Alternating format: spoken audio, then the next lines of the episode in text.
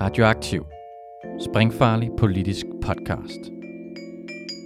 Følg os, like os, del os, læn dig tilbage og nyd en frisk blandet cocktail af skarpe vinkler, dybtegående analyser og farlige debatter.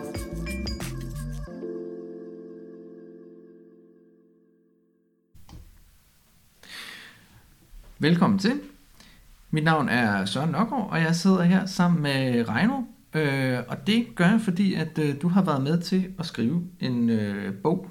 Og kan du fortælle lidt om, hvad er det for en bog? Jamen det kan jeg godt, og først og fremmest tak for invitationen til at måtte komme her. Jeg har sammen med Christian Gorm Hansen skrevet en bog, der hedder Kritik af nordisk socialisme, som er undertitlen En aftegning af den gradualistiske position. Ja. Og det er jo, som titlen ligesom angiver, en øh, kritik af nordisk socialisme, som er en bog, som Pelle Dragsted har skrevet, og som han har udgivet 1. maj 2021. Er det virkelig så sent? Eller, jamen, jeg havde lige fået i hovedet, at den øh, faktisk var måske et år eller to ældre, men øh, Nej, nej. ja, ja. Det er det der corona, som mister man øh, hele tidsfornemmelsen. Men øh, altså, kan, kan du lige prøve at forklare, hvorfor, hvorfor er det egentlig, at I har øh, følt jer kaldet til at udgive den her bog? Øhm, altså, det, Pelle har skrevet en bog, øh, så I følt for, at I skulle skrive en bog om, om den bog, og det er jo faktisk ikke de første, der har gjort, der er i forvejen øh, på, på forlaget Solidaritet blevet udgivet en, en, øh, en antologi med, øh, med sådan, øh, artikler og kapitler om, øh, omkring nordisk socialisme. Så hvad er det, I føler, I skulle bidrage med til den diskussion? Men at nordisk socialisme er jo et nybrud øh, i den måde, venstrefløjen har kunne snakke om socialisme på, fordi at det er en bog, som er udgivet på Gyldendals forlag i et forholdsvis stort oplag, og som blev udsolgt på udgivelsesdagen. Og på den måde er den kommet ud til utrolig mange mennesker, og har også afledt virkelig meget diskussion. Altså først og fremmest i øh, informationsspalter har man kørt en længere øh, diskussion omkring, hvad er socialisme i dag. Øh, på netmediet Solidaritet har man jo også kørt øh, en masse anmeldelser og forskellige debatter. Øh, og det er virkelig den diskussion, vi gerne vil sparke ind i. Mm. Der er alle de her forskellige anmeldelser, som er i stand til at kunne beskrive forskellige aspekter af nordisk socialisme, øh, tage forskellige spørgsmål op, men som alle sammen er begrænset i forhold til deres længde til kun at kunne behandle øh, bogen fra et bestemt synspunkt, eller ud fra nogle bestemte spørgsmål, som man stiller. Ja. Og det, som Per Brengårds bog, øh, som er den her antologi, du nævner, øh, jo så gør, det er at prøve at samle alle de forskellige øh, anmeldelser og kritikker sammen til at prøve at sammenskrive dem til et hele. Og det synes vi er et rigtig godt stykke arbejde, som jo også bibringer diskussionen, at den kan komme videre. Men vi føler også, at der var et behov for en sådan helt grundlæggende kritik, hvor vi går tilbage og ser, okay, hvad er præmisserne, som Pelle Dragsted øh, skriver ud fra? Mm. Og hvis man begynder at kritisere de præmisser, hvad er det så, der kommer til syne i resten af hans bog? Så det er mere et spørgsmål om at prøve at få, øh, få, få sådan mere øh, udæsket en, øh, hele sådan, hvad kan vi sige, hvad, hvad er det egentlig Pelles sammenhængende argument og analyse er, og så kritisere det, i stedet for ligesom at kigge på sådan en enkelt spørgsmål. Ja, det er, det er så det, som, som undertitlen øh, indikerer. Det er, at vi hævder, at der i det, som Pelle Dragsted præsenterer i nordisk socialisme, ligger en, en bestemt politisk øh, øh, position. Mhm. Mm-hmm. Og Pelle Dragsted beskriver selv den i et interview til Weekendavisen som gradualisme. Ja. Og det har vi så sagt, at vi tager på ordet og siger, okay, hvis der er en position, der hedder gradualisme, og den bliver beskrevet i den her bog, hvad er den her position så i virkeligheden? Ja. Okay. Jamen, altså, skal vi prøve at, at, at komme lidt i gang med det, fordi at jeg har jo øh, fået, øh, fået læst den her bog igennem, øh, og jeg har ligesom prøvet at dele den op i, i, i sådan tre hoveddele, og kan du sådan prøve kort at lidt skitsere den, øh, den struktur, I, I har valgt, og hvorfor I har gjort det?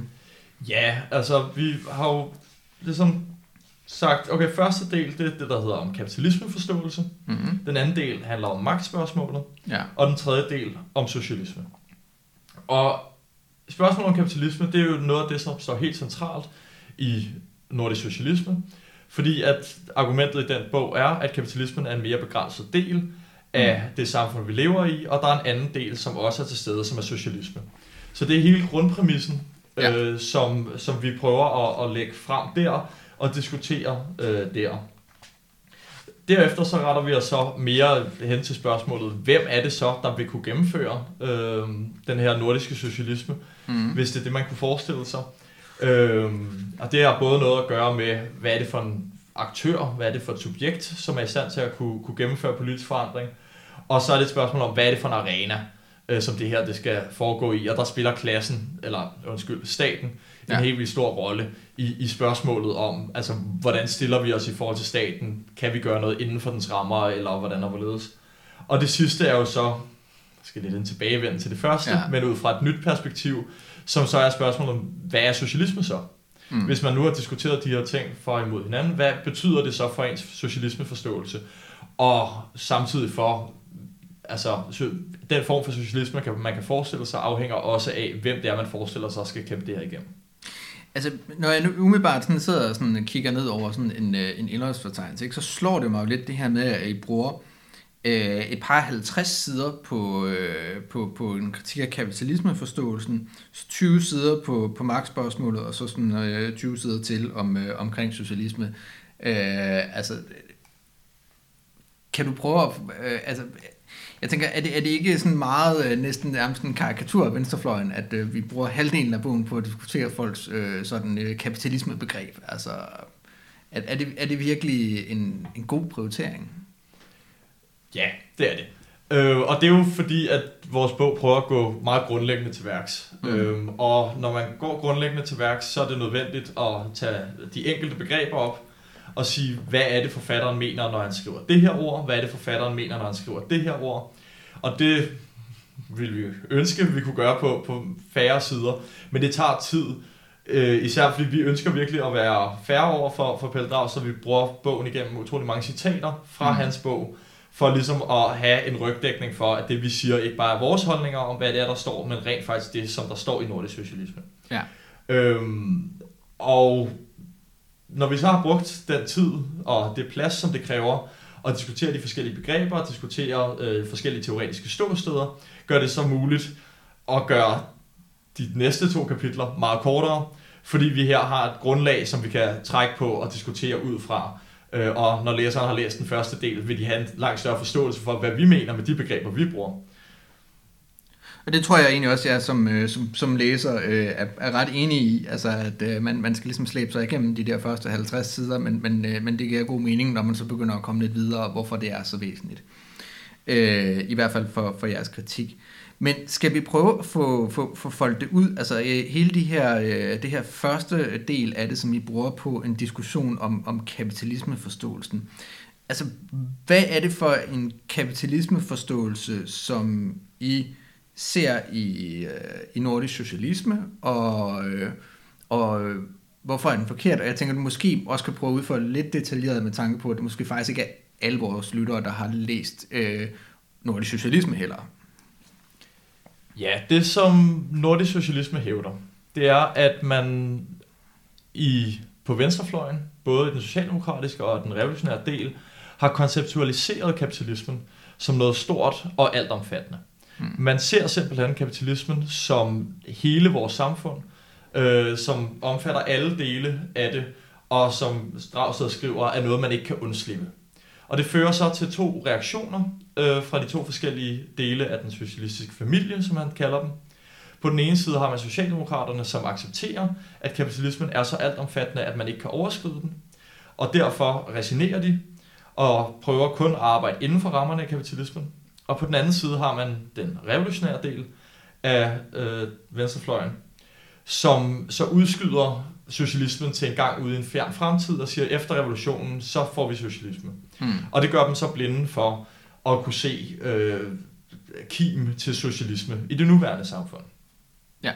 Det, som Pelle Rapsted så gør, det er, at han siger, hvad nu hvis, at det var en forkert måde at forstå kapitalismen på, og vi i stedet prøver at forstå den på en anden måde. Og vi prøver at forstå den på en måde, så vi siger, at det er kun udbytningsrelationen, som er kapitalisme. Så det er kun der, hvor du går på arbejde, og der er nogen, som tjener en profit på, at du går og arbejder for dem. At det er det, der hedder kapitalisme. Det efterlader os så med en masse aspekter i vores liv og i vores samfund, som så ikke er kapitalisme. Som for eksempel er i det offentlige, hvor at folk ikke arbejder for en profit, eller øh, i familien. Øhm, og så går han også videre og siger, at man kan også se, at der er øh, virksomheder, som ikke agerer rent ud fra profitmotiv, men som er demokratisk styret, som for eksempel øh, altså kooperativer, hvor at, at man går på arbejde og øh, har en stemmeret gennem det at være arbejder, eller forbrugskooperativer, som vi kender det som Coop, som jo driver Irma og Fakta, øh, hvor at det er øh, de handlende, som kan være medlemmer af den her forening, øh, som derved har en stemmeret, eller andelssektoren, øh, hvor det så er bønderne, som igennem det, at de ejer nogle ja. store virksomheder, har en stemmeret. Og det slår han så sammen. Og faktisk også øh, små selvstændige. Og små selvstændige, som ikke udbytter nogen, øh, fordi de arbejder for sig selv. Ja. Øh, så, som så bliver slået sammen til den, det, han så kalder den demokratiske sektor. Øh, fordi at der er et eller andet med noget demokrati, som ligesom binder de her sammen. Og det modstiller han så kapitalismen, som han så kalder den oligarkiske sektor. Mm. Og det mener I grundlæggende er forkert? Ja, vi mener grundlæggende set, at det er forkert, at det er noget, som vi forestiller os, at det er en måde, som vi snakker om kapitalismen på, der forlener den en kraft, som gør, at vi tror, at den er alt dominerende. Mm. Vi vil tværtimod hævde, at det er faktisk en beskrivelse af virkeligheden, som vi, øh, som, som venstrefløjen begiver sig ud i, når den beskriver kapitalismen som altomfattende. Øhm, og at der er mange aspekter af kapitalisme, som griber meget voldsomt ind i vores liv, som man ikke er i stand til at kunne beskrive, hvis man ønsker at indskrænke kapitalismen til kun at være en udbytningsrelation. Altså man kunne snakke om, hvad er det, der foregår i forhold til sådan vores brug af sociale medier, Facebook, øh, overvågningskapitalisme, som mm. Susanna Sabøf har skrevet om. Hvis vi diskuterer hele det forhold, som vi har mellem mennesker og mellem klasser, som sådan noget af Bourdieu's arbejde, så er det en beskrivelse af det kapitalistiske samfund ud fra noget andet ja. end øh, udbytningsrelationen. Altså, jeg, jeg, jeg tror, at når jeg umiddelbart læser, så kan jeg sige, at der er nogle kritikker, som jeg umiddelbart er meget øh, enig i. Altså jeres øh, udlægning af, at øh, altså sådan en af kritikken af, at man, man kan bruge sådan sektorer som udgangspunkt for det, øh, virker meget sådan utroværdigt på en eller anden måde. Og, altså, jeg synes, at det var, I henviser også selv til et øh, indlæggende i, i den oprindelige debat af information omkring det der med, det virker bare ikke særlig troværdigt, at, øh, at, at det er kapitalismen, når man går i netto, og det er øh, demokratiet, når man går i fakta. Øh, altså det, det, det virker ikke som om, at det, er sådan, det, det manifesterer sig i den virkelige verden. Øh, og, og det synes jeg virker meget reelt. Men der er vel også nogle pointer omkring, at Altså jeg tænker, nogle gange, altså hvis, hvis man ser den her kapitalisme som altomfattende, så på en måde, så jeg tænker, øh, når vi, når vi snakker om det her med, med kapitalisme som en produktionsmåde, som jo også det, det, øh, altså, øh, det har meget centralt, at det ikke bare er produktionsrelationen, det er produktionsmåden, det er hele den måde samfundets øh, produktion og reproduktion er organiseret på.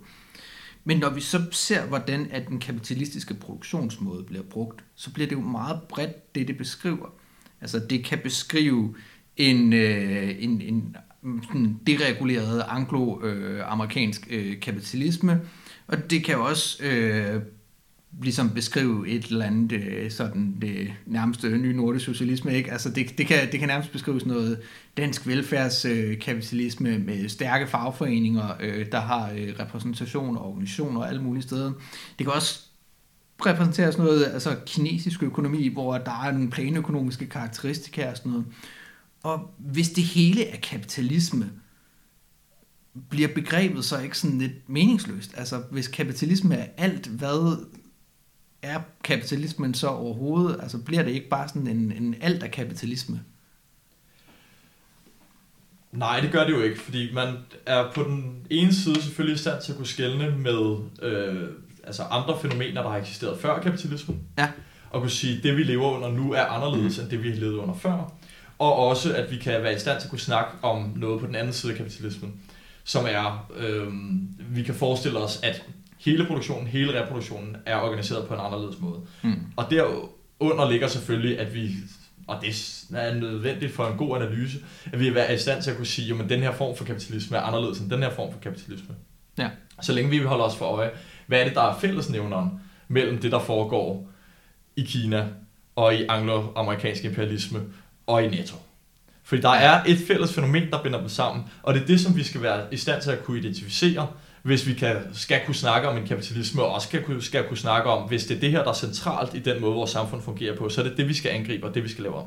Og, og kan du lige sådan kort for vores, øh, altså super kort skitsere, hvad det er, at sådan øh, amerikanske venturefonde og kinesiske state-owned enterprises og Fakta har til fælles? Ja, grundlæggende set, at de producerer for at skabe en profit. Altså, de mm. investerer penge i noget for at få flere penge ud af det. Ja. Og det er det, der er drivkraften i kapitalismen, som er anderledes end den drivkraft, man kunne forestille sig i et socialistisk samfund, hvor at man siger, vi skal producere for alle menneskers bedste, mm. eller i et feudalt samfund, for at tage et eksempel, hvor man siger, vi skal producere for at sørge for, at herremanden har så meget ære og øh, rigdom som muligt, som han kan vise over for de andre.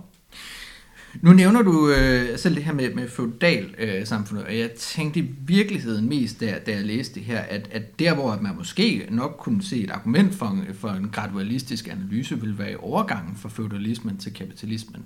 Altså der ser man jo altså, en proces, der vel egentlig starter tilbage nærmest i, i 1500-tallet, hvor at flere og større og større dele af samfundsøkonomien fungerer på kapitalistiske præmisser, og feudale institutioner bliver svækket indtil man så sådan ligesom på et eller andet tidspunkt engang i 1800-tallet kan sige, at nu kan vi ikke genkende det her som feudalisme længere, nu tror vi faktisk, at vi må konstatere, at det er kapitalisme, selvom man også samtidig kan pege på, at der faktisk er nogle feudale institutioner, der stadigvæk er der og har overlevet. Er det ikke sådan et, et skoleeksempel på en gradualistisk øh, fortrængning af en produktionsmåde med en anden?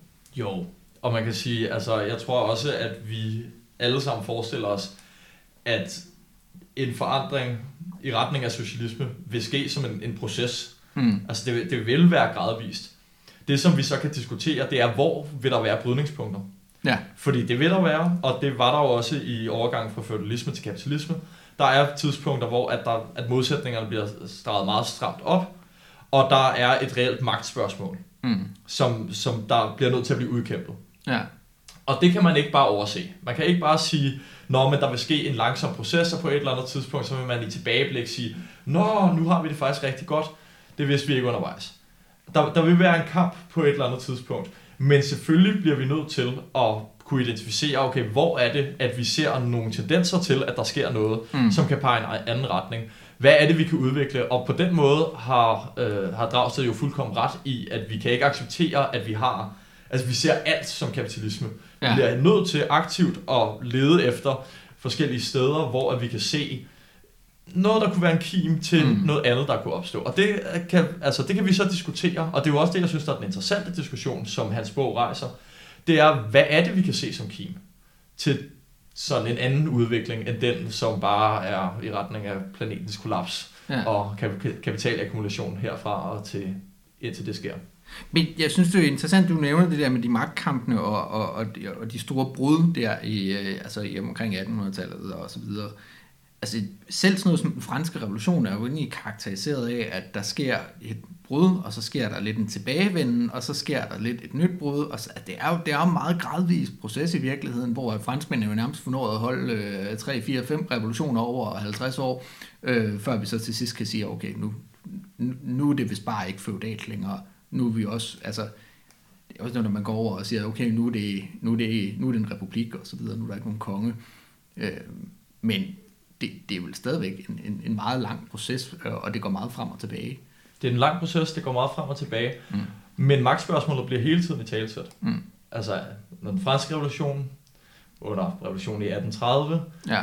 restaurationen, altså, og det samme gælder i Danmark, hvor man kan sige, der sker noget i 48. Mm. Der sker også noget efter øh, anden slesvigske krig, ja. hvor man, hvor man øh, laver tingene om. Altså, der er også et sammenstød igen i 1900, 1901, 1920, øh, hvor altså med, med påskekuppet der. Og, og de spørgsmål bliver hele tiden nødt til, bliver man nødt til at forholde sig til. Altså, hvad er det for en klasse, der prøver ja. at tage magten her?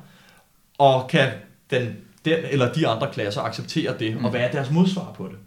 Men, men jeg skal være, altså jeg, jeres kritik af den gradualistiske position er på ingen måde at, at, øh, at sige, at vi i stedet for kan sige, at vi kan sige, at øh, sådan cirka nogenlunde det år øh, på det her tidspunkt med den her begivenhed, der havde vi den endelige overgang fra, fra feudalisme til kapitalisme.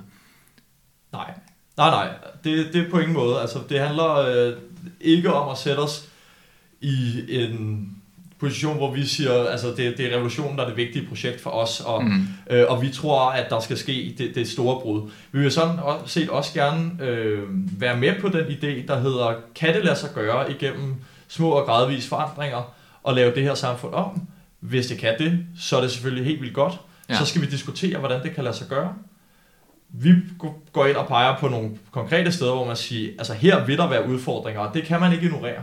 Mm. Og altså, kan man svare på de spørgsmål, så har man jo en strategi, der hænger sammen. Er man ikke i stand til at kunne svare på de spørgsmål? Og det må vi se nu. Pelle har fået forelagt vores kritik i første omgang, og han har sagt, at han gerne vil komme og diskutere det med os til nogle offentlige arrangementer. Så, så må vi prøve at tage den der øh, diskussion og finde ud af, om der er mere mm. i det, end, end han har fremlagt i, i nordisk socialisme, hvor jeg synes, det er meget mangelfuldt at få svar på, hvad vil der egentlig ske, hvis man prøver at udfordre magten reelt. Ja, noget andet, hvor jeg tænker, at, at det her med, med kapitalismen som sådan altomfattende, nogen øh, måske kan virke sådan lidt, øh, øh en position, der kunne angribes, det er sådan meget, at, at velfærdsstaten også bliver fremlagt som noget, der er, sådan ligesom er, er, er hvad kan vi sige, omfattet af en kapitalistisk produktionsmåde, og en integreret del af den. Øhm, fordi at den er underlagt, altså hvad kan vi sige, det, det er sådan, hvad kan vi sige, strukturelle pres, som kapitalismen udgør, altså og, og nogle begrænsninger for den. Men er kapitalismen ikke også underlagt en masse andre strukturelle pres, som den bliver nødt til at tilpasse sig til, altså staten og, øh, hvad kan man sige, fagforeninger og overenskomster, offentlig opinion osv. Altså, det, den er jo heller ikke øh, øh, en, en kraft, der, der øh, kan gøre, hvad det passer den. Altså, den, den bliver jo også nødt til at, at sådan tilpasse sig på en eller anden måde. Ja, altså, Dragstad kritiserer øh, sådan en del af venstrefløjen for at i talesæt kapitalismen som om, at den er et væsen, som om, at mm. den har en eller anden agens. Og det er jo meget rigtigt, det skal man ikke gøre. Ja. Altså, vi må ikke komme ud i at sige, at kapitalismen gør sådan her, og sådan er også kapitalismen det ene og det andet. Det er kun mm. mennesker, der handler. Ja. Og kapitalismen er for de her mennesker tvangen til at skulle akkumulere, øh, hvis de er kapitalister, og tvangen til at skulle gå på arbejde, ja. hvis de arbejder. Og, og det er det, der er formende. Men det er klart, at det er jo menneskelige, mellemmenneskelige relationer, mm. som former hinanden på kryds og tværs. Hvis arbejderne stiller krav, så bliver arbejdsgiverne nødt til at svare på det. Og hvis der er nogen, der organiserer en hel stat med regler og love og byråkrati, så bliver den trang til at akkumulere presset ind til at skulle passe ind i de regler. Ja. Eller lade være at stå over for en konflikt med staten. Så, så øh, altså, det er vigtigt, øh, tror jeg så at forstå, at når, I, når vi snakker om diskussionen om, hvorvidt at kapitalismen er til stede overalt og gennemsyrer alt, så er det ikke det samme som, at kapitalismen er almægtig. Øh, og, og det, det tænker jeg, at i virkeligheden, som jeg umiddelbart læser Pelles bog, så er det jo ret meget det, der også er hans agenda, altså med at sige, at jamen, kapitalismen er ikke almægtig, den, den bliver nødt til at tilpasse sig på alle mulige andre punkter og sådan noget. Og det er også egentlig det, som I også mener. Altså jeg mener, at, at alle dele af samfundet er underlagt kapitalistisk pres, men ikke det samme som, at det er kapitalismen, der dikterer alt, hvad der foregår. Nej. Jeg hørte en podcast i går, øh, sådan en historiepodcast om, hvordan at øh, diamantmarkedet er blevet udbredt til sådan nogle øh, forlovelsesringe. Ja. Øh, som jo er sådan, det bæreste store diamanthandlere, øh, som på et tidspunkt beslutter sig for, at de synes, at alle folk skal have forlovelsesringe mm. øh, med diamanter på. Og derved får de skubbet markedet fra, at det starter med 30% i USA, til i dag er det 90% af alle folk, der bliver forlovet i USA, som køber en øh, hvilesesring med en diamant, eller en forlovelsesring med en diamant. Ja. Og det er jo sådan et eksempel på, at noget, som ikke nødvendigvis har noget med kapitalisme at gøre, mm. altså kærlighed mellem to mennesker, øh, ægteskabet, en forlovelse, øh, før det her ægteskab kommer, bliver presset ind i en kapitalistisk relation, hvor i hvert fald 90% af amerikanerne accepterer, at for at kunne blive forlovet, så skal man købe det her produkt på det her marked, som er absolut ingenting værd, men som koster helt vildt mange penge. Øhm, ja, og, og, og det synes jeg bare er et, et, et fint eksempel på, hvordan at det meste af det, vi omgiver os med, mm. alt sammen bliver formet af markedet på måder, som vi måske heller ikke er os selv bevidste. Altså manipulationen i reklamer spiller en enormt stor Ja. rolle i vores egen opfattelse af os selv og vores opfattelse af andre. Hvordan skældner, altså nu snakker du meget om markedet, altså markedet og kapitalismen, er det noget, I betragter som to forskellige ting, eller to ting, der er umulige at adskille fra hinanden? Altså det er to ting, der er umulige at adskille fra hinanden. Man kan sige, at markedet eksisterede jo også. Der eksisterer markeder for alt muligt, før at der kommer kapitalisme. Mm. Men det, der det er afgørende for kapitalismen som en produktionsmåde, det er, at alle andre relationer bliver underlagt markedsrelationerne. Ja. Og der har vi jo helt tydeligvis en uenighed i forhold til Pelle Dragsted, Mm. øh, som jo ser øh, også markedet som en mere begrænset ting, og markedet ikke nødvendigvis som en dårlig ting, som han godt kan adskille fra kapitalismen. Og for os at se, så er det ikke muligt. Altså også under socialismen vil der eksistere markeder for det ene og det andet, men vigtigt vil der ikke eksistere et marked for arbejdskraft, og markedet vil ikke være dominerende i de relationer, vi har. Det vil være underlagt for eksempel demokratiet. Hmm. Så tænker jeg, at vi måske kan prøve at glide videre til, til næste del omkring øh, magtspørgsmålet. Øhm, det, synes jeg, det synes jeg virkelig var, var, øh, var enormt interessant. Øhm, og her går I jo meget sådan i kødet på, hvad kan vi sige, Pilles politiske del af, af den her, altså som ikke bare er en, en, øh, altså en analyse af, hvordan samfundet er, og hvordan det bør være, men også øh, simpelthen at sige, den, den politiske strategi, hvordan skal vi så få det fra A til B? Øhm, og der har jo, altså Pelle han kommer med de her øh, 10 reformer øh, som forslag. Og der er jeres primære øh, sådan kritikpunkt, altså I kigger lidt på, på, på nogle ting, både omkring det her med det statscentrisk, altså fordi det er ting, der alle sammen skal gennemføres af et parlament eller en regering, men også øh, spørgsmål omkring, men hvem er det så, der skal gennemføre de her reformer? Øh, jeg tænker, at der hvor jeg i hvert fald umiddelbart sådan var, var meget sådan, øh, ja, det, det har jeg nok meget ret i, det var jo omkring det der med, med sådan, hvem er det egentlig, der skal drive den her forandring fremad, fordi altså selv hvis det er sådan forandringer i parlamentet, så, så kræver det vel en eller anden form for politisk bevægelse, som ikke bare er folk, der sidder i parlamentet. Og der tror jeg, jeg er meget enig med jer i, at det mangler der et svar på. Øhm, men hvis vi går videre til at prøve at snakke lidt om sådan statsspørgsmålet, øh, spørgsmålet, øh, kan du så prøve at sådan lidt folde ud, hvad, hvad er det, der er så fejlagt, eller sådan så, så, øh, så dårligt ved, at, at, øh, at Pelles løsning er 10 reformer, der kan gennemføres af staten? Altså det vigtigste, for lige at gribe tilbage til det forrige, Ja. er jo, at for os at se, er socialismen en bevægelse i mennesker Mm. og blandt mennesker. Altså socialismen, det kan kun tilvejebringes, hvis folk aktivt er engageret i at, at skabe det. Altså om det så er i deres fodboldklub, eller om det er ved at altså, feje på gaden og organisere ting omkring det, så er det vigtigt, at mennesker står i relationer til andre mennesker og er i gang med at organisere sig omkring det. Ja. Ved at lægge alting over i staten, ved at lægge hele sin, sådan, sit håb mm. og forventning over i, i staten til, at det er den, der skal fikse problemerne, så kommer det aldrig til at ske. Og samtidig så øh, altså, øh, pacificerer det også folk. Øh, fordi at deres, det de kan gøre, det er at gå hen hver fjerde år, så sætter de et kryds på den politiker, de godt kan lide. Det kan også være med til, at de går på gaden og demonstrerer og samler penge ind til nogle annoncer, som støtter det parti, som gerne vil de rigtige ting. Mm. Men grundlæggende set bliver det aldrig dem selv, der står med magten. Og for os at se, at det er det, der er det helt afgørende ved socialisme, det er, at det er befolkningen selv, der skal have beslutningsret over de centrale dele af deres liv, og samtidig er det ikke noget, som kan komme af sig selv. Det er noget, man skal uddannes til, trænes til, og det gør man kun gennem faktisk at deltage i det. Og det, så hvad, er det sådan lidt mere, øh, er det, er det generalstrækken, er det øh, besættelser af virksomheder, eller hvad, hvad, hvad, hvad, hvad eller hvad, hvordan ser en socialisme, som skabes udenom staten ud?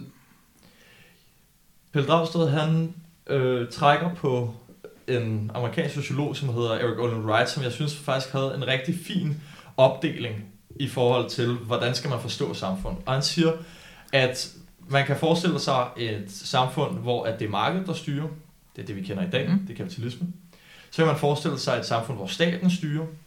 Det kender vi også. Det kaldte vi Sovjetunionen og Østbloklandene. Og så kan man forestille sig et samfund, hvor det er civilsamfundet, der er styrende. Altså hvor det er, er folkelige bevægelser og demokrati, der er det styrende. Mm. En af vores kritikpunkter ved Dragsteds opdeling imellem en oligarkisk og en demokratisk sektor, det er, at staten og civilsamfundet bliver slået sammen. Men jeg tror, at hvis man skal videreudvikle en gradualistisk strategi, og det altså, i hvert fald er det interessant at tænke i den retning, så er det at fokusere på civilsamfundet.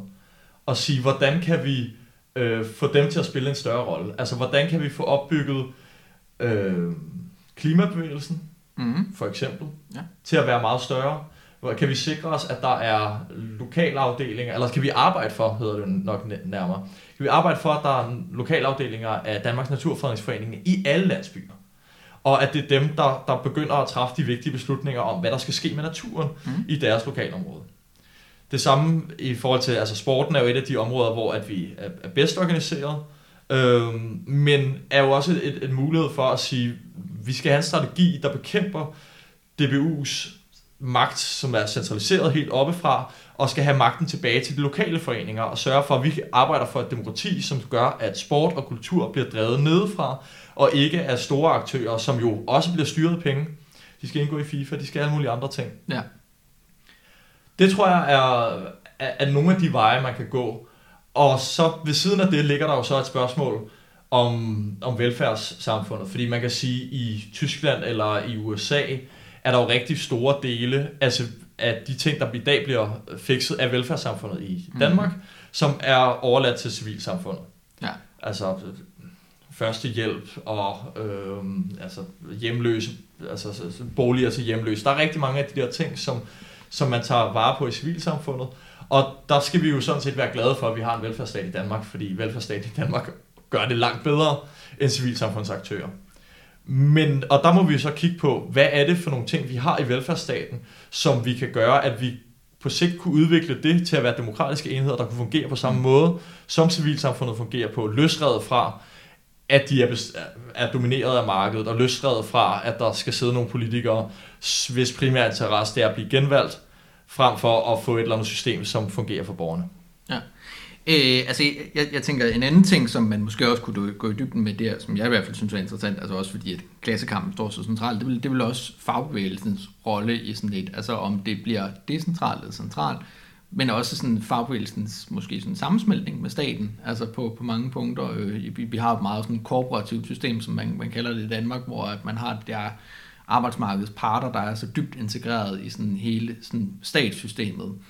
Øhm, altså, der er vel også et potentiale for, at, at øh, hvad kan man sige, den inddragelsen af arbejderklassen i dagligdagen, at det bliver kampen ude på den enkelte virksomhed. Øh, og der kan vi se, der, der ja, ja, ja lidt, øh, lidt, lidt, lidt håndelig omkring sådan noget, øh, sådan med, øh, med sådan, øh, når jeg er med engagering i medudvalg og, og sådan noget for, øh, for øh, offentlige ansatte, men er er det ikke netop sådan et, et forsøg på at gøre det, I gerne vil have? Altså, at der skal være, øh, at folk skal selv være engageret ude øh, i, på deres arbejdsplads? Jo, det håber jeg ikke, vi fremstår håndelig i forhold til medudvalgene, fordi jeg tror helt sikkert, at det er den rigtige vej at gå. Jeg, altså, vi mener helt sikkert også, at det er for lidt. Mm. øhm, i forhold til at have en eller anden seriøs strategi. Også fordi, at det ikke, der er ikke nogen strategi efter det. Ja. Altså, folk skal gå ind i medudvalgene.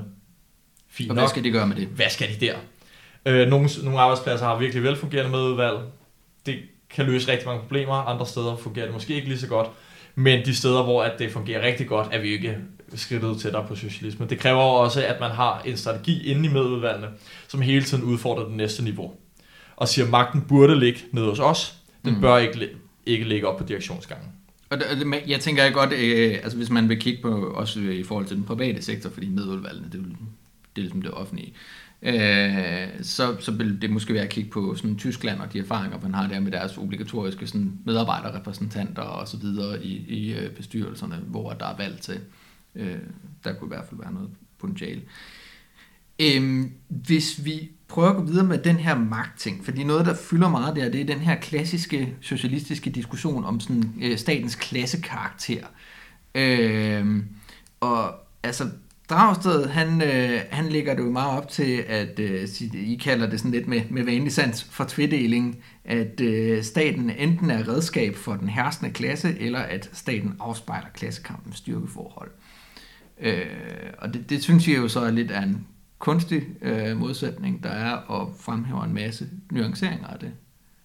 Øh, og hvad, altså, kan vi lige, altså fordi umiddelbart så tænker jeg, jeg har hørt mange gange den der med, at det er sådan, ah, amen, altså det, det, staten, det er bare, det er bare kapitalens øh, lakajer og højre hånd, og de kommer altid til at gøre det, kapitalen vil have, og derfor skal man ikke bruge dem til noget som helst.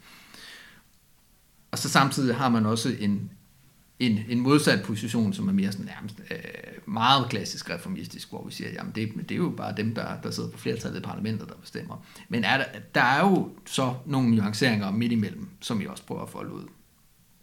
Kan du prøve at komme lidt nærmere på dem? Ja, det kan jeg godt. Og det skal selvfølgelig siges, at Dragsted placerer sig jo også imellem de to positioner. Ja. Og siger, at der er to positioner, jeg har fundet vejen frem. Det viser sig, at sandheden ligger et sted imellem. Og det siger vi, det er lige let nok købt. Mm. Øh, fordi den mest almindelige position er den, der siger, det hele er meget, meget øh, indviklet. Mm. Øhm, og jeg tror, at der hvor vi stiller os i det spørgsmål, det er at sige, at staten er jo først og fremmest en klassestat. I forhold til, at den er fuldkommen afhængig af, at kapitalismen fungerer på den måde, den gør, for at få sine indtægter. Mm. Men den er også tilpasset i hele dens virkemåde til at tilpasse sig kapitalens interesser. Det betyder selvfølgelig ikke, at man ikke kan gå ind i dele af staten og få det til at arbejde i den modsatte retning, eller få det til at blive afsvækket, eller øhm, altså man kan jo også sammen med dele af staten arbejde for ting, som staten tror at det er i dens interesse, men ja. hvor det viser sig, at man kan faktisk er i stand til at kunne dreje det her i en anden retning, mm. som følger en folkelig mobilisering. Ja. Og det er jo rigtigt, at de nordiske velfærdssamfund er jo det fremmeste eksempel, vi har mm. på, hvor langt det er muligt igennem demokratisk magt at presse kapitalen til at give store indrømmelser i forhold til, hvad statens opgave også skal være, som er at tage vare på almindelige mennesker. Og igen ligger der en dobbelthed i det, fordi selvfølgelig er arbejdsgiverne også interesseret i at have en arbejdskraft, der ikke dør, Ja. så den kan komme tilbage på arbejde og arbejde. Men vi er som arbejdere interesseret i, at vi ikke skal dø. Mm. Der har vi en, en eller anden fælles interesse, bare ikke omkring, hvad vi så skal lave, når ikke vi er døde. Ja. Jeg tænker også, altså i, i virkeligheden, altså når man stiller dem op sådan øh, karikeret, så kan de jo virke meget øh, modstridende med hinanden, men på en måde, så, altså, jeg, jeg tænker, det, det, det springende punkt vil vel altid være den der med, om staten har en klasse øh, karakter, som er nærmest en, altså uomgængeligt, naturligt, altså u, uudslettelig, altså som aldrig kan overskrides. Eller om man mener, altså fordi staten, man vil nok sagtens kunne sige, ud fra det perspektiv, at staten afspejler sådan klassekampens styrkeforhold, at ja, jamen, staten er meget sådan pro-kapitalistisk, men det er fordi kapitalisterne står stærkt, stærkt i klassekampen. Og det kan jo godt være en langt mere nuanceret øh, forståelse af klassekampen, blot sådan, hvad der sker til et folketingsvalg, øh, som også tager højde for, at øh, der selvfølgelig er en enormt øh, ulige magt, øh, som, og adgang til sådan politiske beslutningsprocesser og sådan noget. Øhm, og det, altså, at, at det er overhovedet en, en konstruktiv diskussion at bruge tid på, om hvorvidt den der klasse karakter eksisterer sådan i sidste ende, og bliver det ikke sådan meget essentialistisk diskussion, som egentlig er, er sådan næsten et trospørgsmål? Jeg tror, det der er det vigtige at diskutere, det er, hvor den sidder. Mm. Altså, at en del af en bredere statsforståelse er jo også at sige, at staten er jo ikke bare øh, militæret og politiet, men det er også sagsbehandlerne og lærerne og pædagogerne. Mm. Og, og gå ind i den diskussion og sige, super, Ja. så det vi skal videre med herfra, det er altså lærerne og pædagogerne og til dels sagsbehandlerne i forhold til, altså så længe at de laver noget menneskeligt, altså menneske Mm. til menneske arbejde, ikke så længe som deres arbejde bare er byråkratiske formler, og alting skal effektiviseres og gøres hurtigst muligt. Ja. Fordi det handler jo ikke kun om at gå ind og sige, så har vi den her del af velfærdsstaten, som vi godt kan lide, og den her del af velfærdsstaten, som vi ikke kan lide, eller som måske ikke er velfærdsstaten, mm. men undertrykkelsesapparatet, som vi ikke kan lide. Men jo også inden for den enkelte funktion, at gå ind og sige, her er der dele, og det er jo der, at Christian og jeg vil hæve det, der eksisterer kim til socialisme. Ja. Der er ting, som vi kan få øje på, som vi kan sige, hvis vi videreudvikler det her, så vil vi komme i retningen af et, et mere menneskeligt samfund, et, et samfund, der er indrettet til menneskelige behov. Mm. Og det ligger der i masser af altså pædagogisk arbejde, undervisningsarbejde, samtidig med, at der også i det her arbejde ligger en disciplinering af mennesker, en oplæring i, at de skal blive arbejdere, et enormt byråkratisk system, som skal tjekke dem og øh, måle dem i forhold til børnene i Kina, øh, for at se, om vi nu kommer til at klare os i konkurrencen med kineserne ude i fremtiden. Ja. Og alle de sidste dele, dem skal vi af med, samtidig med, at vi så fokuserer på det, som der er det væsentlige. Og i det kan der faktisk udvikles en strategi, vil vi hæve. Altså nu, øh, jeg havde faktisk lige noteret det her til øh, spørgsmål til, måske til den del omkring sådan socialismen. Øh, så hvor at, der ser jo meget det her med, at, øh, at hvis der i den demokratiske sektor, som, som Pelle udpeger og kalder det, øh, skal være kim til socialisme, så er det i velfærdsstaten, fordi at der er den her behovslogik, som styrer øh, produktionen i stedet for et profitmotiv. Øhm, og det kan jeg jo, det kan jeg jo sagtens øh, godt se på en eller anden måde. Men den her øh, skælden, I snakker om det her med, at der på den ene side, så har du, øh, så har du alt det gode, hvor, at vi har, hvor vi ser behovslogikken. Og på den anden side, så har du den her disciplinering. Men meget af den disciplinering, der foregår i staten, er vel som sådan også motiveret af den behovslogik. Altså når at staten siger, at der skal være produktivitetskrav på øh, sygehusene, øh, og syge, øh, sygeplejerskerne skal løbe hurtigere og hurtigere, øh, så er det vel fordi, at man ønsker, at der skal, man skal imødekomme det stigende behov, der er for sundhedspleje. Jeg synes, et eksempel, som jeg kommer til at tænke på øh, for mit arbejde, fordi at jeg arbejder på jobcenteret, det er jo også meget... Øh, altså det her, øh, det var ikke, ikke så meget en ting mere, det var dengang, at, øh, i, i nullerne, der var tusindvis af arbejdsløse, der ligesom øh, sådan et, øh, et sted mellem frivilligt og presset øh, valgte at øh, søge ind på sosu-uddannelsen øh, for at blive sosuer. Men det er jo ikke et profitmotiv, der styrer den disciplinering. Det er jo et behovsmotiv. Og selv i et behovsstyret samfund, så vil der i et eller andet omfang vil være noget disciplinering. Fordi man, man, det, det handler vel om, man kan jo ikke imødekomme alle behov. Altså, her der snakker du så om statens behov. Ja, Altså, staten ønsker at disciplinere borgerne, fordi at staten, a.k.a. nogle teknokrater, har, har udregnet, hvad det er, vi kommer til at have behov for i fremtiden, og det behov skal vi så have mødt. Eller har vi behov for lige nu, og det behov skal vi så have mødt. Og for mig Nej, at se... nej, jeg mener, altså sådan, det, det, det er jo et spørgsmål om, at den årsagen til, at der bliver, at øh, vi siger, vi skal, vi har brug for flere sosuer, det er jo fordi, at, at, øh, at, øh, at, at folk, øh, der, der er gamle, de har, de har brug for pleje. givet. Men det er ikke et behov, som kommer fra de mennesker, som kunne give plejen, til at sige, jeg kan se, at der er andre mennesker, der har behov Mm. for omsorg. Det vil jeg gerne give dem.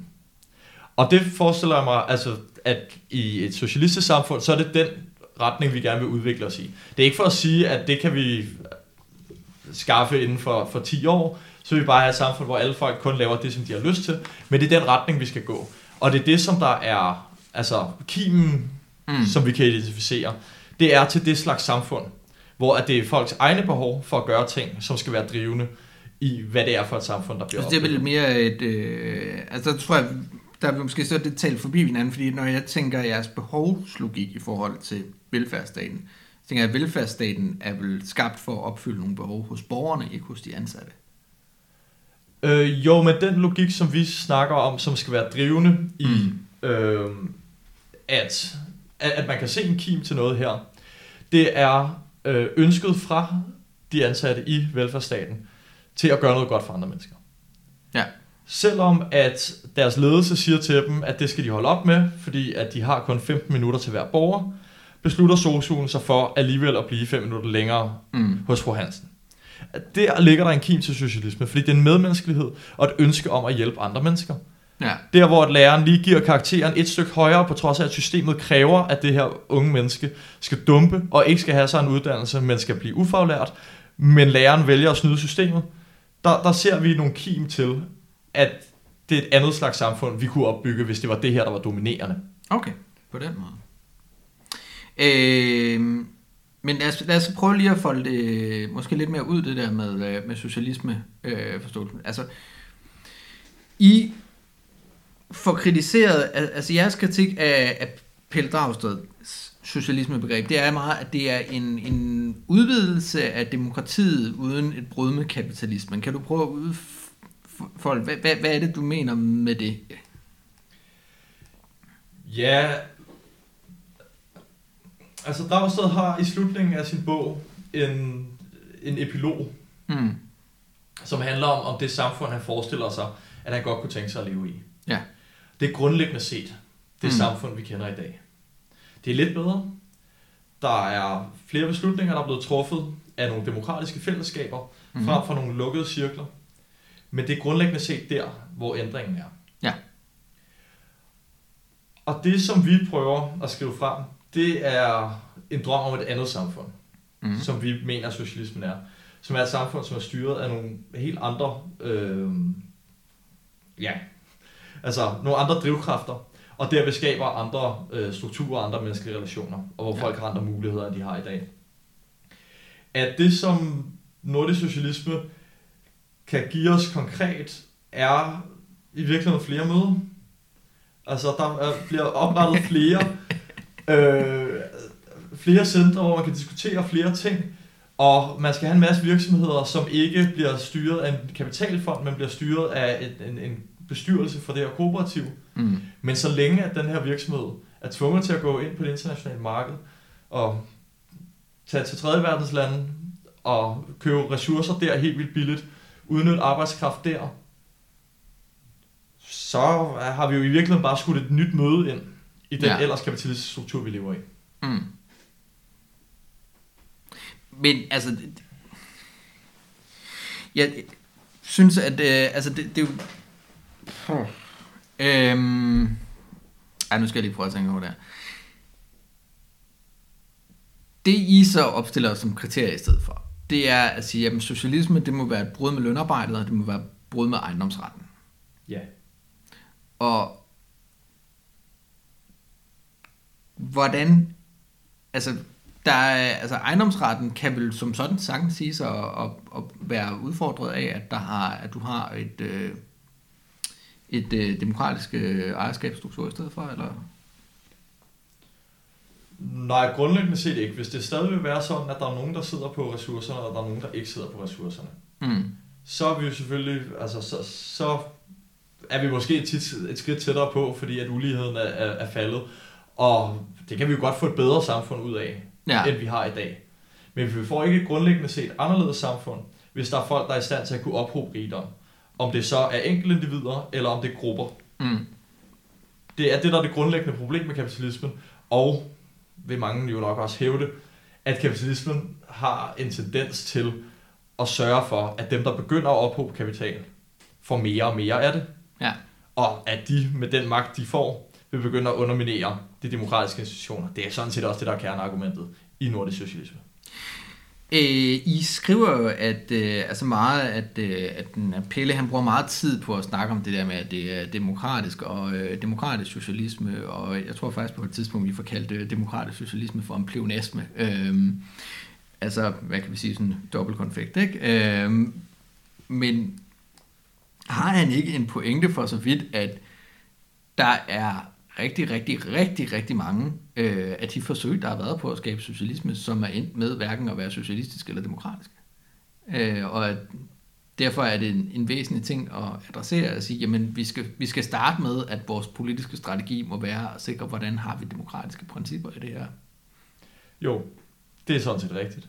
Og jeg, altså, jeg tror, at det, det er på den måde den helt rigtige måde, han griber problemet an på. Mm. Altså at se demokratiet og socialismen som to sider af den samme udvikling, som skal styrkes.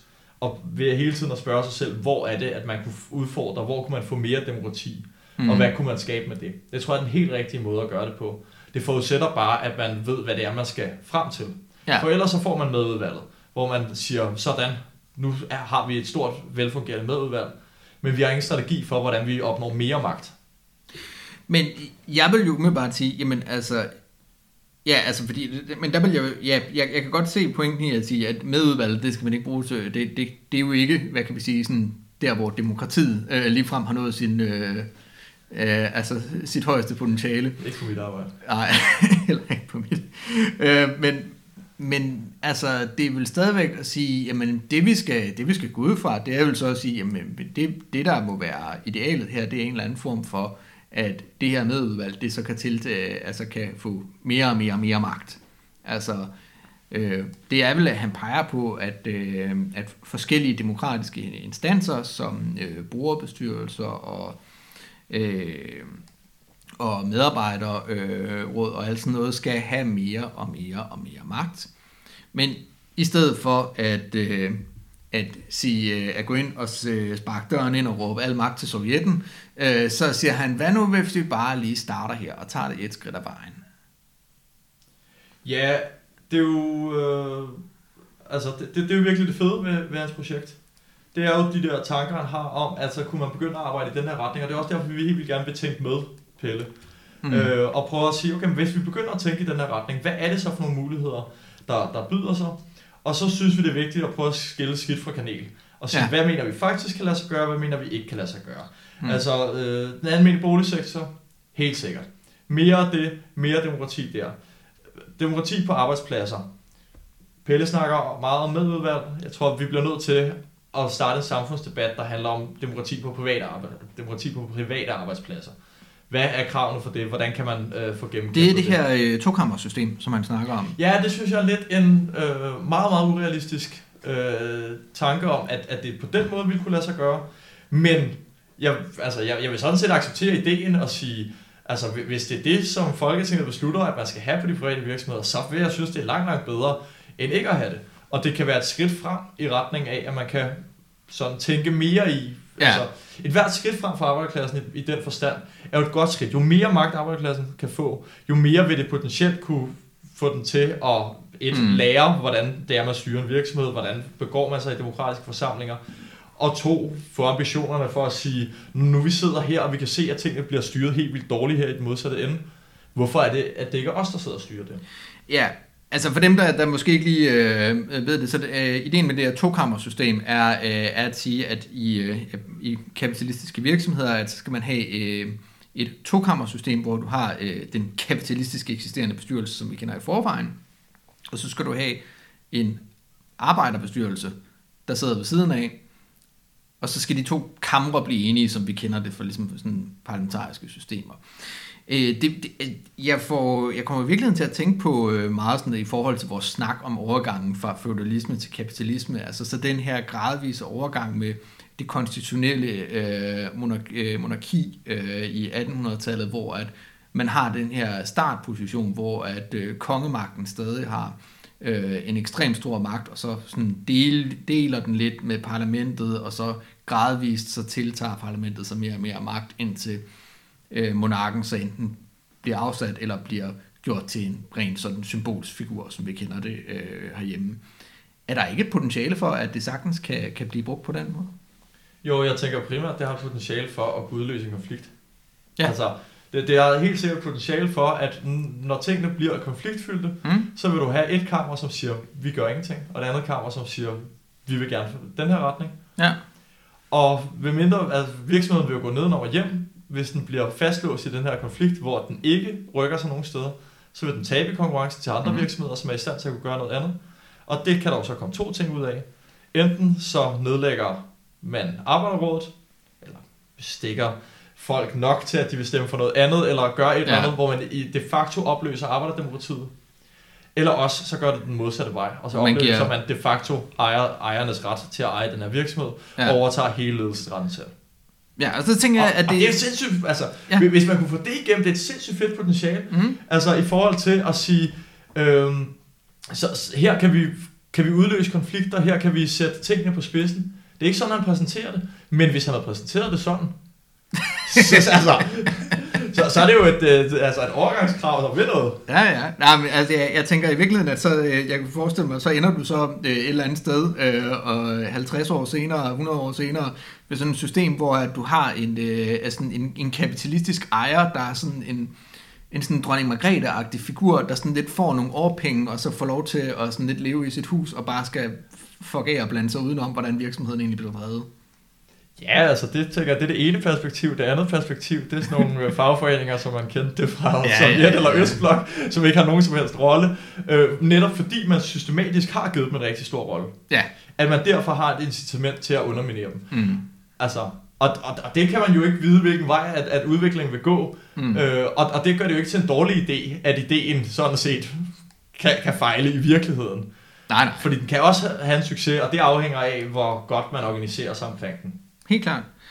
Øhm, et andet, øh, og det, det, det synes jeg var interessant, at øh, jeres, øh, at I kritiserede øh, Pelles krav om sådan en offentlig jobgaranti. Øh, og der synes jeg virkelig, måske også man får udfoldet den der øh, modsætning mellem jeres perspektiv og Pelles. Øh, fordi i ser det jo bare som at sige, jamen okay, altså lønarbejdet, det er jo, det er jo øh, inkarnationen af alt det, vi vil afskaffe, hvorfor, hvorfor skal vi garantere folk lønarbejde? Øhm, men altså, jeg tænker, det, det der vil være logikken bag det, det er vel, at det, det er et, et sådan gradvist øh, emancipatorisk krav, altså som, som øh, på en måde delvis, altså sådan delvist frisætter folk for noget af det pres, der er ved lønarbejdet, ved at de, du har, øh, altså du fjerner den magt, der ligger ved arbejdsløsheden. Og det er vel som sådan øh, enormt positivt. Så altså der er vel sådan et eller andet form for sådan afvejelse omkring, hvad er det, det korte sigt og det lange sigt der, eller... Ja, og det er måske også en uenighed om, altså, hvor vi er henne i den her analyse. Fordi hvis jobgarantien ligesom er det, vi forestiller os, at den nordiske socialisme skal bestå af, at alle folk skal på arbejde, ja. så er det ikke en vision, jeg er særlig vild med. Hvis vi til gengæld begynder at se de her 10 krav, der er i slutningen af bogen, mm. som nogle overgangskrav, hvor vi siger, at det her det er på ingen måde det, vi gerne vil have, men det er, og det er meget stille og rolige krav, som vi kan gå ud til befolkningen og prøve at forklare for dem, og det virker ikke særlig radikalt. Til gengæld kan vi se, at følgerne af, at man vedtager de her ting, vil være meget radikale så er jeg sådan set enig i, at sådan et krav om jobgaranti er et rigtig godt middel til at udstille over for befolkningen, fordi mm. det er jo klart, kapitalismen kan ikke eksistere med en jobgaranti. Den bliver nødt til at have en systematisk øh, arbejdsløshed, for ellers kan den ikke presse arbejderklassen. Ja, og det, det er der, hvor at, øh, at øh, Karl Marx og, og de mest sådan højreorienterede supply-side økonomer, de, de, de kan mødes hånd i hånd og blive enige om deres forståelse af arbejdsløshed. Ja, præcis. Øh, men Ja, ja så, så der er sådan et eller andet med, at det er sådan, i virkeligheden så kommer det meget an på, på det her med, at, at når at Pelle kalder det nordisk socialisme, så tænker jeg, jamen så har han også sagt, at det er endemålet. På en eller anden måde. Og som endemål, så tror jeg, jeg vil give jer ret i, at det virker jo ikke som noget, der er sådan særligt øh, radikalt og utopisk. Øh, men det er da stadig noget, hvor at... Øh, hvis jeg, øh, hvis, hvis, jeg kunne, hvis jeg kunne få lov at sælge den til det, og få garanteret, at det var sådan her, at øh, samfundet så ud om 20 år, så ville jeg da nok sige, okay, det tager jeg da klart over, øh, over, over, sådan, øh, over de, de nuværende odds. Øh, det er et kæmpe fremskridt, og det vil man da helt klart kunne bygge videre på. Helt sikkert. Jeg tror, at Pelle er lidt øh, tvetydig i forhold til, om der er et endemål. Mm. Fordi han siger flere steder i bogen, at man skal ikke forestille sig, at der er en ren kapitalisme eller en ren socialisme, og ja. de to ting vil altid stå i konflikt med hinanden, og mm. det vil være, være, være en kamp, der hele tiden fortsætter, og så et andet sted siger, at måske på et tidspunkt, når vi ligesom har mest socialisme, så vil det være, være bedre. Øh, men jeg synes, det meste af bogen bærer præg af, at vi ikke har et eller andet, vi lever frem imod. Vi tværtimod arbejder i retning af, at vi får mere demokrati, mere socialisme, og, og det vil, vil tingene blive bedre, men der er mm. også store muligheder for, at, at tingene vender tilbage, og så får man mere kapitalisme, og det er lidt trist. Men så på et senere tidspunkt, så vil der så ske et fremskridt, og så vil vi så øh, opnå lidt mere socialisme, end vi havde før. Helt klart. Og det er det, vi kalder sådan volumenknappen ja. i hans tænkning. Øh, som vi også, altså, og, og det hænger for os at se sammen med det her med, at han ikke tager magtspørgsmålet seriøst. Fordi når først at du er overgået til at sige, at det her det er et reelt demokrati, det er også der ejer tingene nu, er det svært at forestille sig, at de ting kan drejes tilbage sådan lige nu og her. Der, selvfølgelig Ja. altså, er, er der masser af muligheder for, øh, at, at det sker, øh, men det vil kræve rigtig meget. Øh, og det, det får mig til at tænke på noget, som, øh, som jeg også øh, fik, øh, fik spurgt jer til, til jeres bogudgivelsesreception. Det her med, at det, er det er jo to meget forskellige slags bøger, der egentlig prøver at snakke sammen. Øh, det, som Pelle han har skrevet, det er jo, øh, det er jo vi snakker en, øh, en øh, folkevalgt politiker fra et, et parti i, i det danske folketing, som udskriver en bog, som er ligesom er skrevet til en debatbog, der er henv- som debatbog. Den er henvendt til et bredere publikum. Man behøver ikke at kunne sin Marx eller sådan nødvendigvis være sådan øh, særlig øh, skolesocialist for at forstå, hvad der foregår overhovedet. Øhm, og, og det er jo lige så meget en øh, bog, som skal indgå, altså det ser vi også bare sådan i de anmeldelser, der er og sådan noget, nøje med, altså, så hvad synes Socialdemokraterne om det her, hvad synes Cepos om det her, og så videre. Det er jo, det er jo, øh, det er jo øh, en anden tradition, han taler sig op imod, og det er et andet sprog, han taler i. Og så får vi den her, øh, hvad kan vi sige, øh, kritiske øh, sådan gennemgang af den, som er meget sådan mere øh, teoritung, øh, selvom vi der skal have ros for at have gjort det på hvad, 150 sider, øh, og ikke have skrevet en eller anden øh, kæmpe øh, sådan øh, 500 siders øh, motherfucker der. Altså, det, det, det, er jo, det er jo er det, er det her ikke bare sådan lidt en, en underlig sådan pseudokritik, fordi at I insisterer på at behandle den som om, at det var et, øh, et større teoretisk venstrefløjsværk, og ikke som en debatbog skrevet af en politiker?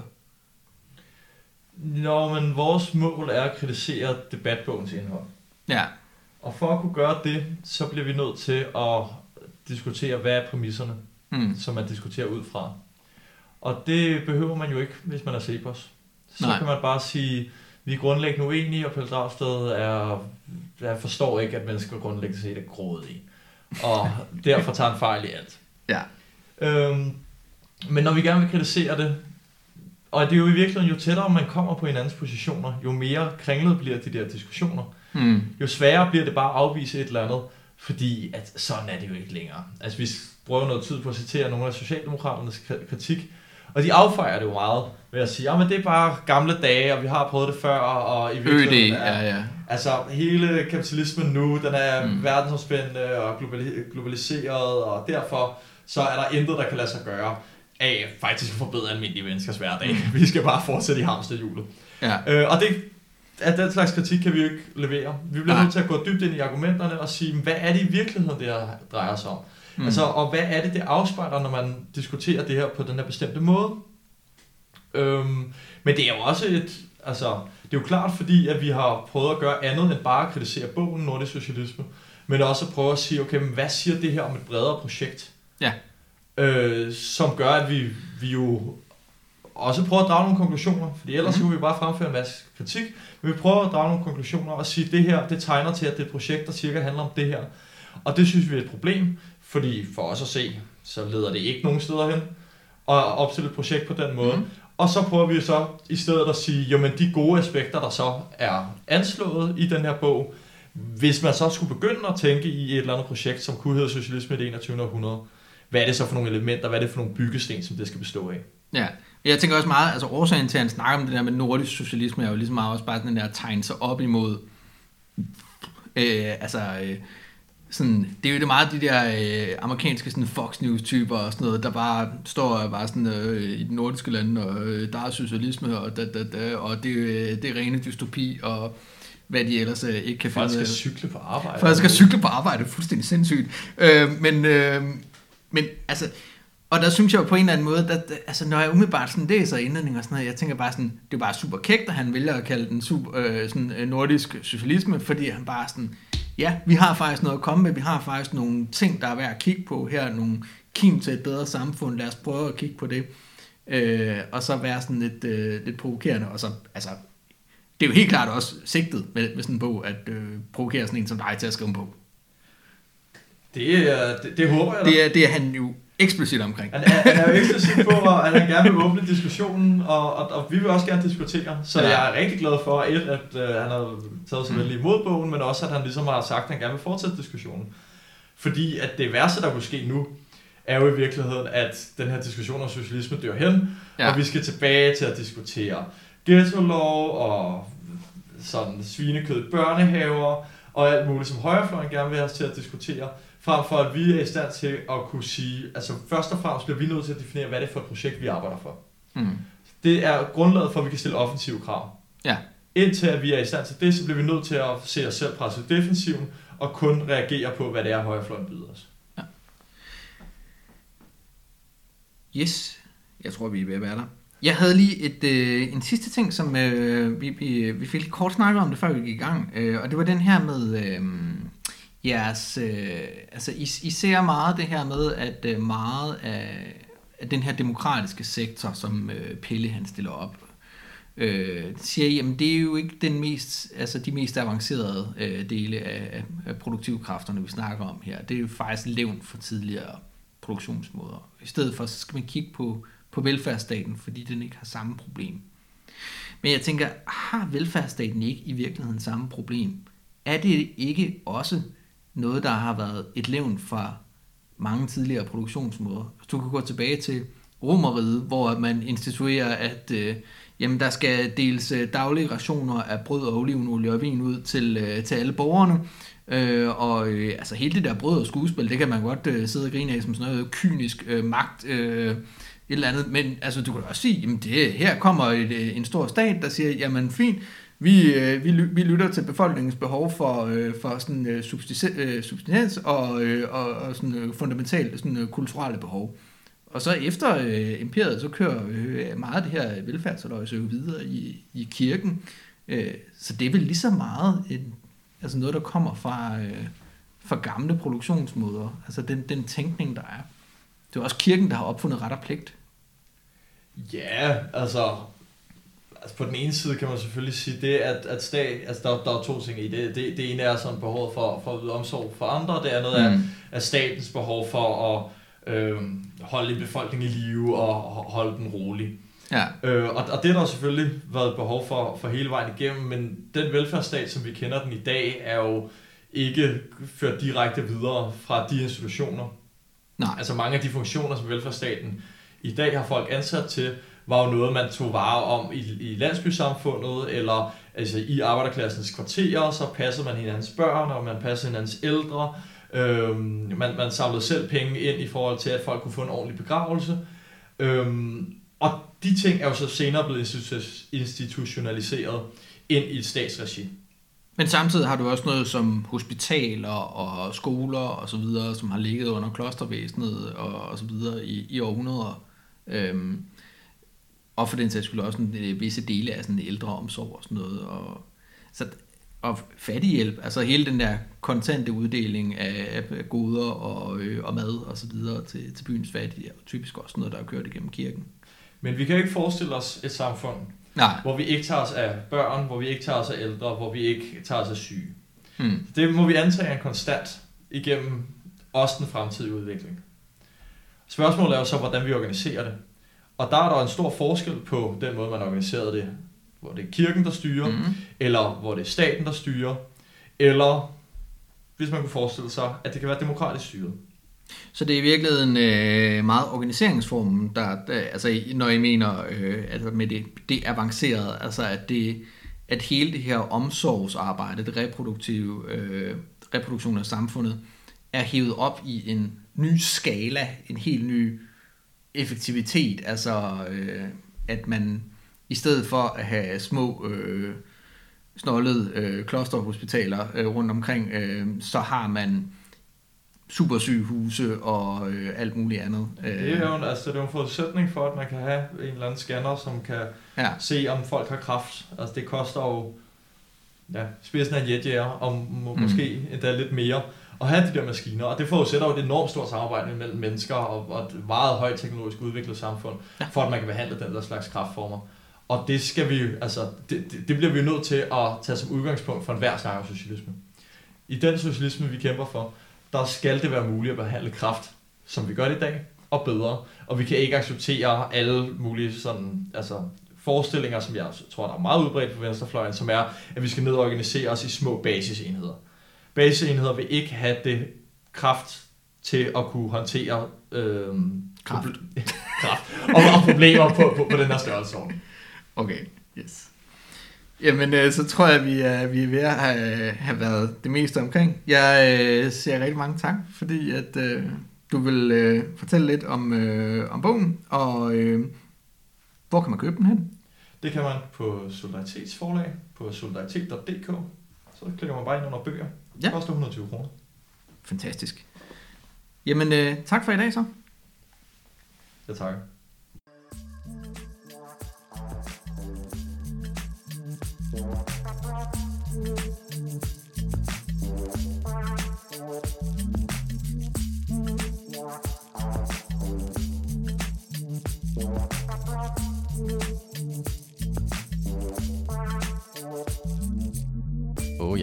Inden du smutter, husk nu lige at følge Radioaktiv. Vi er på Facebook, Twitter, på SoundCloud eller i din podcast-app. En række af vores podcasts udkommer også som video på YouTube. Du må også gerne dele os med dine venner. Hvis du er ellevild, så kan du gå ind på solidaritet.dk og blive medlem af vores medie.